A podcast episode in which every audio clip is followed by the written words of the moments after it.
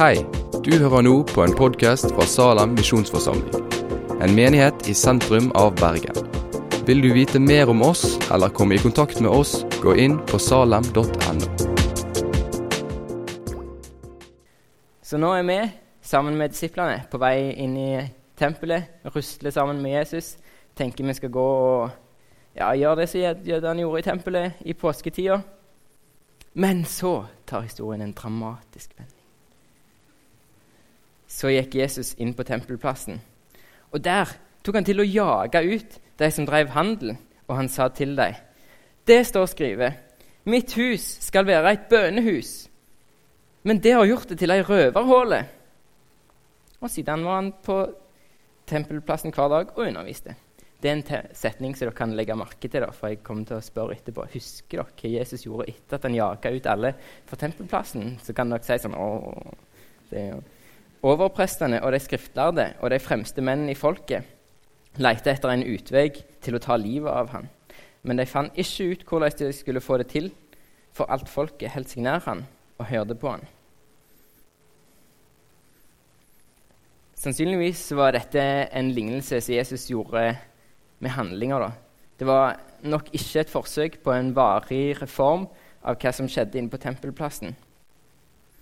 Eh, jeg tror, eller Den bibelkommentaren jeg leste, den ene plassen sto det at sannsynligvis var det bare for å få fram et poeng at det nok ikke skjedde en varig endring. nei. Han jager vekk handelsmenn. De andre evangelistene sier at folk veksla penger der. Fordi i påsketida så kom jøder, eller folk som holdt til den, den, jødiske religionen fra store deler av området rundt, altså Romerriket og andre plasser, for å be til Gud. Og Da var det marked for å veksle penger. Og folk solgte offerdyr, for du skulle ofre ting i påsken. Så det var på en måte marked for det. da. Sånn, ja, En annen bibelkommentar har en teori om at eh, offerdyret kosta så mye som 20 ganger mer inne på tempelplassen enn på utsida. Så det var sånn blodpriser da, de holdt på med. Da, dette er jo problematisk av flere grunner. Jeg skal gi dere to. Det første var at de foregikk i hedningene sin forgård. Jeg husker den store åpne plassen på bildet.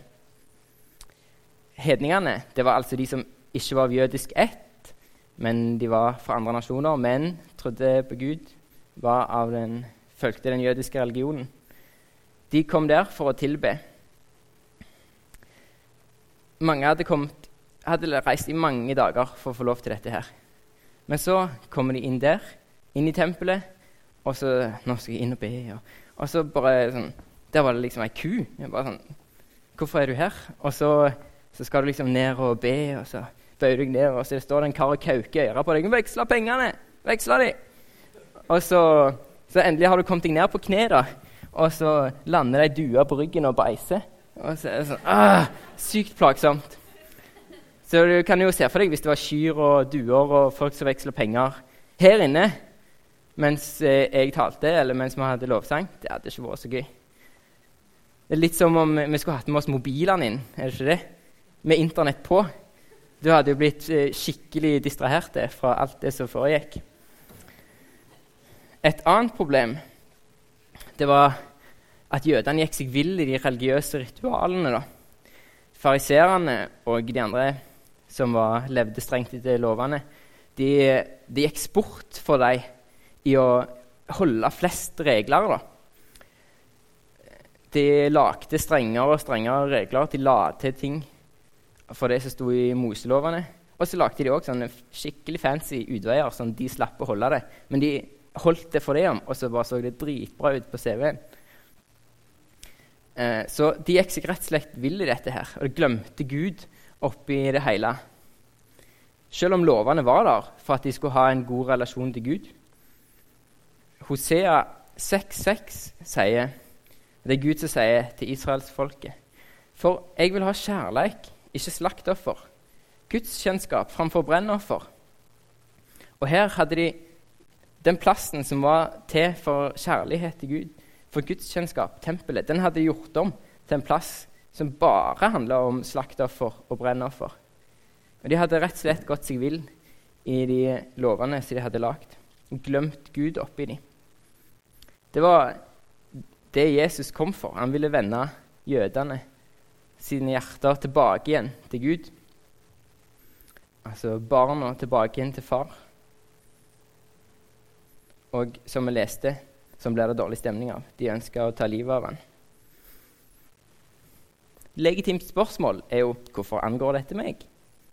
Og det er jo gøy å prøve å svare på. Paulus sier til korinterne.: Veit det ikke at det er Guds tempel, og at Guds ande bor i dykk? Det er et sykt kult vers. Så tempelet i Jerusalem Det er hjertet mitt. Det er tøft. Så før så var Guds tilbedelsen den var låst til en geografisk plass. Men nå så bor Gud inni oss ved Den hellige ånd. Som Jesus sier, nå skal vi tilbe Gud i ånd og sannhet. Jeg har blitt et tempel for Gud.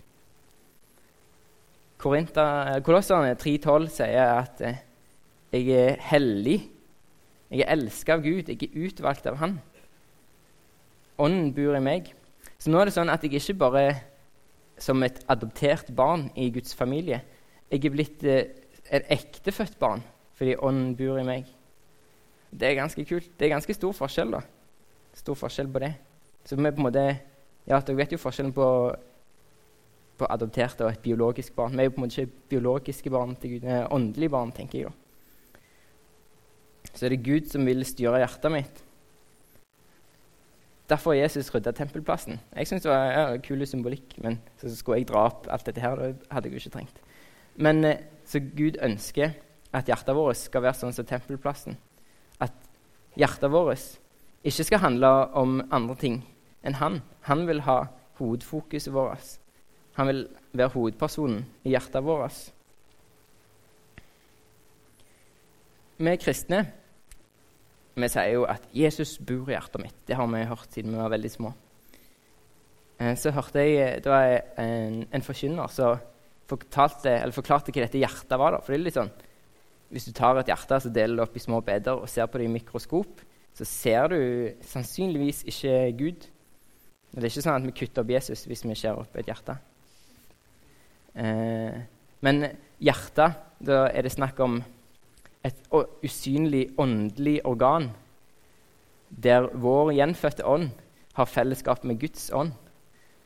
Det er en plass der, med, der troen bor. Og det, det, det, er den som Ja, hjernen er til for å klare oss i den fysiske verden, mens hjertet er til for å klare oss i den åndelige verden. Jeg syns det var en ganske kul, kul forklaring. Men hvordan vet jeg hva som bor i hjertet mitt? da? Er det en måte å finne ut det på? Er det pengevekslere jeg har her? Er det folk som selger duer? Eller er det Jesus? Så eh, I Bibelen så har jeg funnet noen sånne diagnostiske tester, da, kan du si. Eh, så vi kan finne ut hvem som bor i hjertet vårt. To stykk. Den første. Jesus sier det hjertet er fullt av, det taler munnen. Altså, det vi snakker om, gir oss en pekepinn på hva som bor i hjertet vårt. Så vi kan jo tenke over hva snakker vi om. Snakker vi om Jesus? Snakker vi om John Snow? Det er, liksom, det er jo greit å snakke om begge deler, men dere skjønner, dere, dere skjønner hvor jeg vil. Det er en balanse. da. Men hvis du aldri snakker om tro, eller tenker på tro i det hele tatt, da, så kan det være et tegn på at det ikke er helt på rett vei. da. At det kanskje ikke er Jesus som dominerer.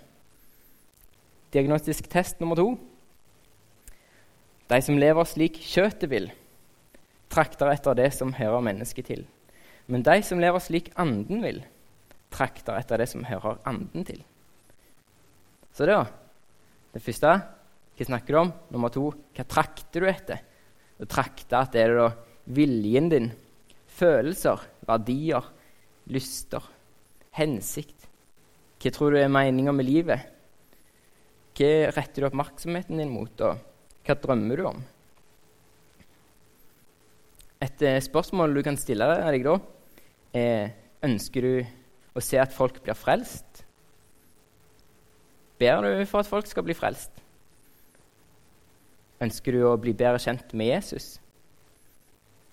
Og Hvis dette stemmer for deg, så, så tror jeg at du lever sånn som Ånden vil. Mm. Så det Det tror jeg er en, skikkelig ting som vi kan tenke over. Dette er nok en gang tempelet. Dere kjenner det igjen nå? Hvis vi ser for oss at det, ja, Dette er jo et luftfoto. Hvis du ser for deg at det går folk der nede da. Nå er det jo dessverre ingen folk på det bildet. Men så tror jeg det hadde vært vanskelig å se hva de holdt på med. Holder han karen der på med å be, eller veksler han penger? Nei, jeg vet ikke helt. Jeg klarer ikke å se det. Det er så langt vekke. Og eh, ja, Så det går ikke an å se om de holder på med gudsdyrkelse eller ikke. På samme måte er det med folk. Det er vanskelig å se på denne karen hvordan det står til med hjertet hans. Hva tror du er inni hjertet? Er det, tenker han på ah, 'Nå skal jeg få solgt de duene jeg har i kofferten'? Eller, eller er han liksom er det på vei til døra di for å fortelle om Jesus? Eh, ja, sånn, Det går ikke an å se, da. Så derfor vil jeg i den talen slå et slag for hverandre grupper. Jeg eh, tror jeg vil eh, påstå at eh, jeg har ei hverandregruppe eller bibelgruppe som fungerer ganske bra. Vi har over noen år utvikla det til sånn at det, er åpent for å dele. Da. Dele hva som bor i hjertet vårt. For det, det, er den eneste måten å finne ut av det på. Akkurat sånn som du må inn døra i tempelet for å se at de holder på med pengeveksling, eller om de holder på med tilbedelse, så må du inn i hjertet. da. Eller det blir vel sånn at du må åpne hjertet ditt for andre for at de kan se hva som bor der.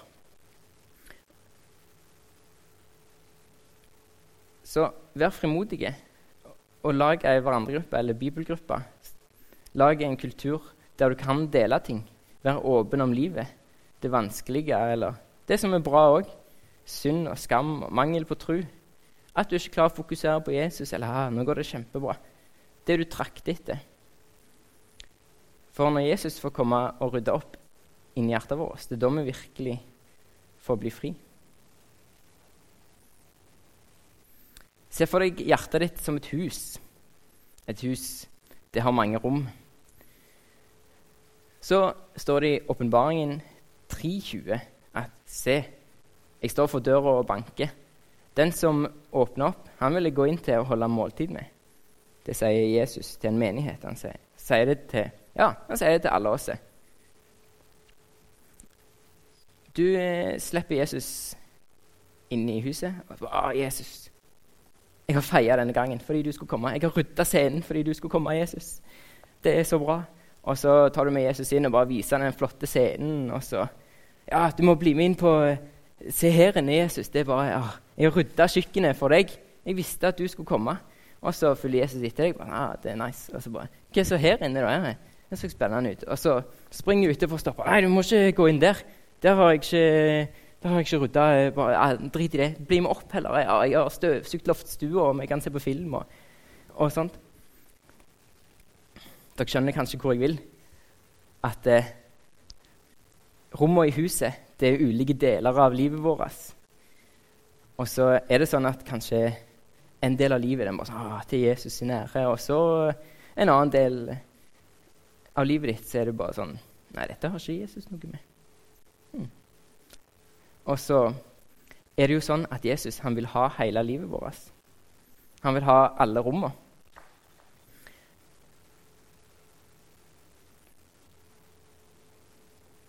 Hvorfor ønsker Jesus å rydde opp i tempelet? Hva var poenget?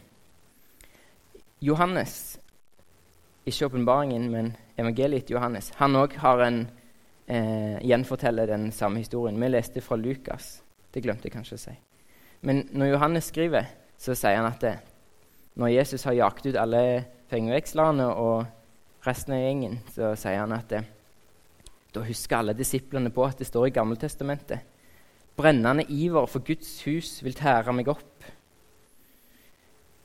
Guds hus, det er jo oss det er kirka, kirken, kirka. Og Jesus han ble tæra opp på korset. Det var der han, han ble tæra opp for meg og deg. Han var, og er ennå Han ønsker så sterkt at alle skal bli frelst, at han valgte korset for det. Så rett og slett brennende iver for Guds hus. Alle mennesker har potensial til å bli Guds hus. Det tærte han opp. Husker dere hva Jesus gjorde etter han jakte folk vekk fra tempelplassen? Ja, han underviste. Jeg syns det er ganske kult. Så når Jesus han fikk være med å rydde opp der inne da, til han her karen ja, Det var meg. Han fikk være med å rydde opp der inne. Så, nå, så Jesus underviste. Han fulgte på en måte det rommet som ikke var ryddig, som, som eieren ikke ville vise til Jesus. Han fulgte det med seg, fulgte det med, med Guds ord. Og det er det han ønsker å gjøre med oss òg. Han ønsker alle deler av livet. Han ønsker at vi skal leve helt for han. Måter vi kan fylle oss med Jesus på, det er Bibel, bønn, kan høre på forkynnelse, lovsang. Noen eh, er, føler seg nærmest Gud når de er i kirka, noen når de er ute og går i fjellet. Så jeg vil bare oppfordre dere til å finne det som passer best for deg, og så skape en relasjon med Jesus. Det ønsker han å gjøre med alle mennesker i hele verden. Og det er derfor han ga oss misjonsbefalingen. Ordspråket oppfordrer oss om å bevare hjertet vårt framfor alt vi bevarer. Fordi livet utgår fra det. Så det er ikke alt som er bra å fylle hjertet sitt med. Selv om det kan være skikkelig bra, skikkelig gøy, god underholdning. Og, ja. Men så Jesus ønsker all plassen. Det er ikke alt som er bra å fylle hjertet sitt med. Men hvem er det egentlig som bestemmer hva som skal bo i hjertet mitt? Er det Salem? Er det Kristian som bestemmer? Det er det som blir sagt her oppe hver lørdag og søndag, som bestemmer hva som er i hjertet mitt? Eller er det samfunnet som bestemmer hva som bor der? Kanskje er det venner? Familie? Er det Gud som bestemmer det? Nei, det er nok oss. Det er deg. Du bestemmer sjøl hva som skal være i hjertet ditt. Og dette er det som kalles frivillige. Det er, oh, det er vanskelig av og til. Vi har så mange valg. Frihetens byrde. For det er nemlig sånn at det er ikke bare Jesus som høflig banker på på døra til huset. Det gjør de andre ting òg. Både andre ting som er bra, men òg ting som er dårlig.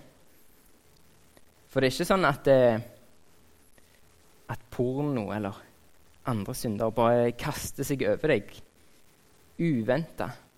Som ei løve kaster seg over en sovende gnu. Det er ikke sånn det funker. Den òg har banka på en gang i livet. Men så har det kanskje blitt sånn at eh, hvis du har noen synder du har gått deg fast i At det har blitt litt sånn at 'Å ja, er det deg igjen? Kom inn. Åpne døra for deg.' Eller du har gitt dem nøkkelen til huset ditt. Da. Ja, baksnakking. Det har liksom ikke knust eh, kjøkkenvinduet ditt. 'Kom inn her, nå skal du baksnakke.' Truer deg og har maske på. Men det har, det har banka på en gang. Det er jo sånn at vi lever i en fallen verden, en fallen menneskenatur. Så vi har nok en dragning mot synd som vi ikke kan legge skjul på. Men vi har fortsatt fri vilje. Vi kan fortsatt si nei til det. Vi kan fortsatt velge Jesus. Vi velger helt sjøl hva vi skal fylle oss med. Og det vi putter i oss, det former oss. Hvis du vil si det på kristenspråket, så kan du si at det, det du putter i deg, det disippelgjør deg. Du følger det, på en måte. Følger du Jesus? Eller vil du bli forma av helt andre ting? Samfunnet former oss òg. Det er det ikke tvil om det vi ser på reklame, det vi hører på i forelesninger eller snakker med folk som, eh, som ikke Ja, dere skjønner hva jeg mener. At det, det former oss, det òg. Det å følge Jesus og bli formet av Jesus, det kalles helliggjørelse på kristenspråket. Og På mange punkt så er det nok sånn at samfunnet og Jesus de er ikke samsvarende. Det blir en krasj. Det fins måter å leve på. som ikke stemmer overens med Bibelen, som ikke går overens med, med det å, å bekjenne en kristen tro. Men hva skal jeg så fylle hjertet mitt med? Hva skal jeg gjøre da? Ikke så lett. Paulus han gir oss eh, noen gode tips i Kolosserne 3, vers 1-17. Eller jeg begynner i vers 2. Nummer 1. Han sier, 'Vend deres sinn til det som er der oppe, ikke til det som er på jorda.' Mm. Ja, grei start. Overordna. Så går han dypere inn i det etterpå. Han begynner med å si hva vi ikke skal gjøre. Og det kan jo være greit. Så vet du det. Så her er en nice liste. Så lat det jordiske i dykk døy. Legg av dykk alt dette, for det er ikke annet enn avgudsdyrking. Det gjør at Guds vreide kommer over de ulydige. Og så, Det er jeg som har lagt denne lista, det står ikke sånn i Bibelen, men her er lista, da. Hor, uregnskap, lidenskap, vond lyst, trangen til alltid å eie mer, sinne, raseri, vondskap, spott, rått snakk, og lyg ikke for hverandre, med utropstegn. For det har kledd av dykk det gamle mennesket med de gjerningene som hører det til, og ikledd dykk det nye mennesket, som blir forma etter sin skapers bilde, og lærer han å kjenne. Er noen som kjenner seg igjen på et punkt på lista? Det hadde vært løye å gjort sånn som vi gjør på Kvist, at alle reiser seg. og så De med null poeng setter seg. 'Å, jeg hadde ingen synd. Jeg setter meg ned.' De med ett poeng setter seg ned. 'Å, jeg gjorde det skikkelig dårlig på den der.' Og så ser vi hvem som blir stående igjen. Mm, nei, kanskje ikke. Kanskje ikke. Vi kunne gjort sånn at de ti som blir stående til sist, får gratis sjelesorg av Eivind Sætre. Og hvis noen av dere har null, så kan de hive stein på de andre, står det i Bibelen.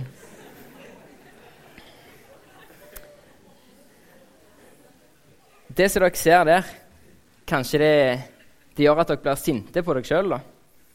At eh, 'Jeg får det ikke til. Jeg har bare så utrolig mye synd.' Bare sånn, ah, 'Vond lyst. Jeg får det ikke vekk fra meg.' Vondskap, rått snakk. Det, det bare er der. For eh, vi har jo hørt eh, Dere har kanskje hørt det at du skal hate synden, men elske synderen. Og det er jo sykt vanskelig å gjøre. Eh, men C.S. Lewis kom på noe genialt da, apropos det. At eh, jeg hater jo synden i meg sjøl, men jeg elsker jo fortsatt meg sjøl. Så det er jo en måte å gjøre det på. At, eh, at du hater synden i deg sjøl. Men fortsatt så er du Guds barn når vi tror på Jesus. Så la Jesus få ta vekk alt dette her. Hvis du har noe i livet så tror jeg det er utrolig bra hvis du klarer å dele det med andre. Da blir det på en måte som om du åpner det rommet der inne der som Jesus ikke fikk komme. Du må åpne døra og slippe inn lys.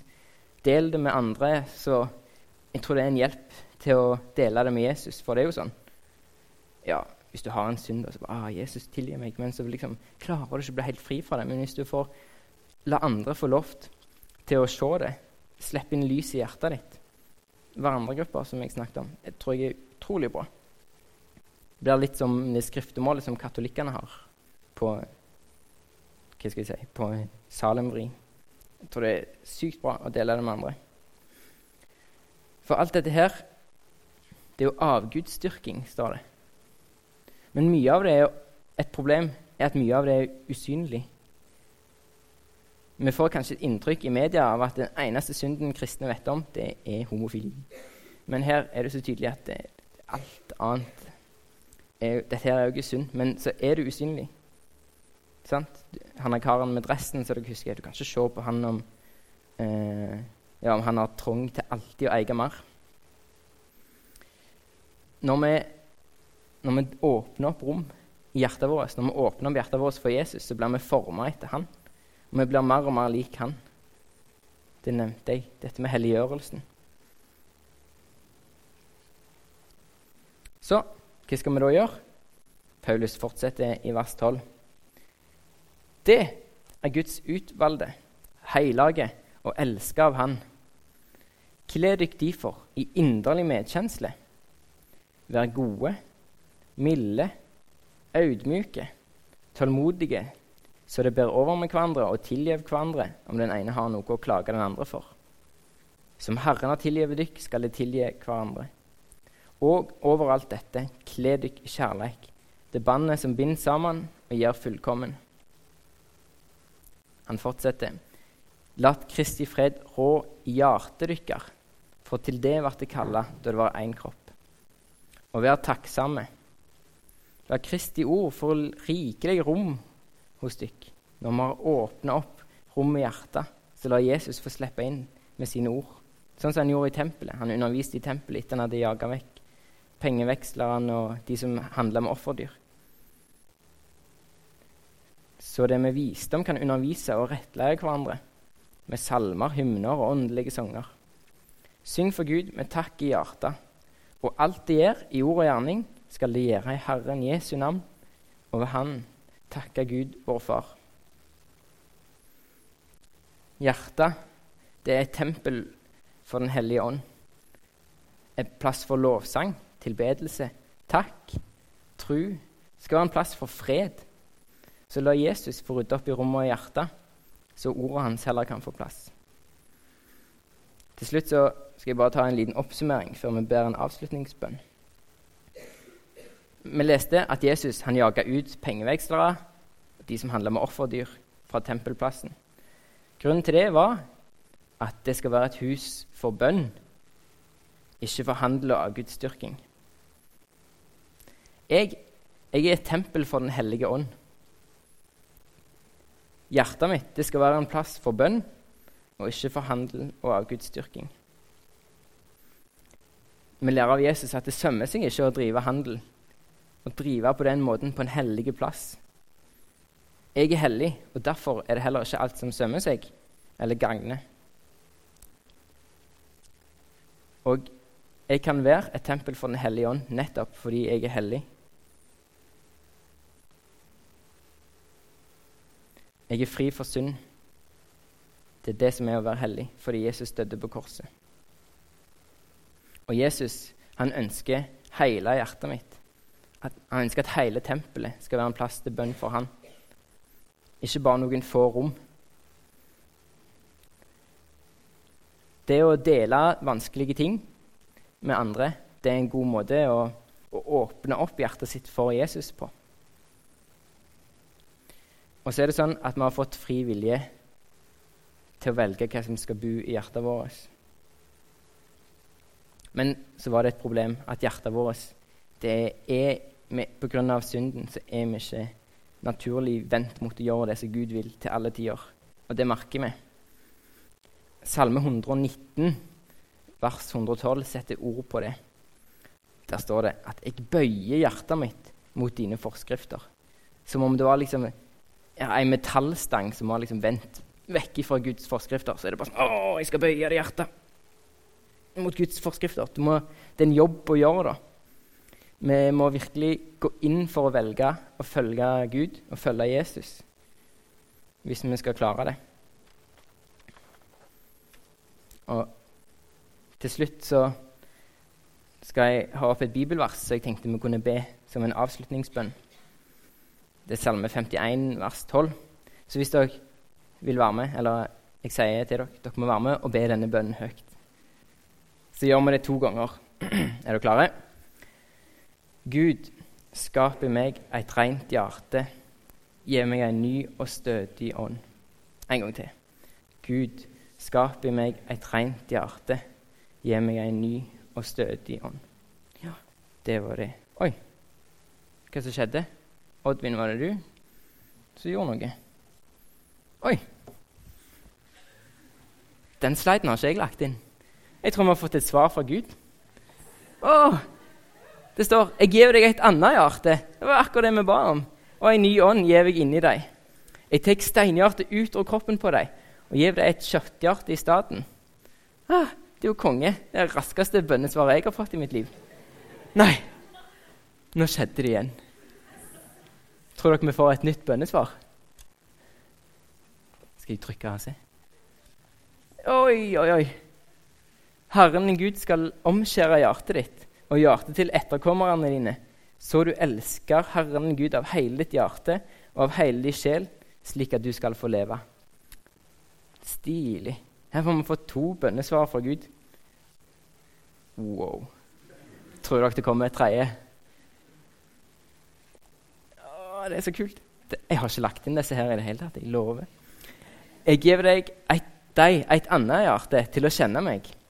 For jeg er Herren.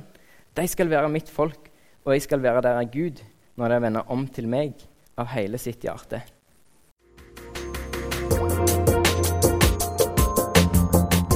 Takk for at du har hørt på podkasten fra Salem, Bergen.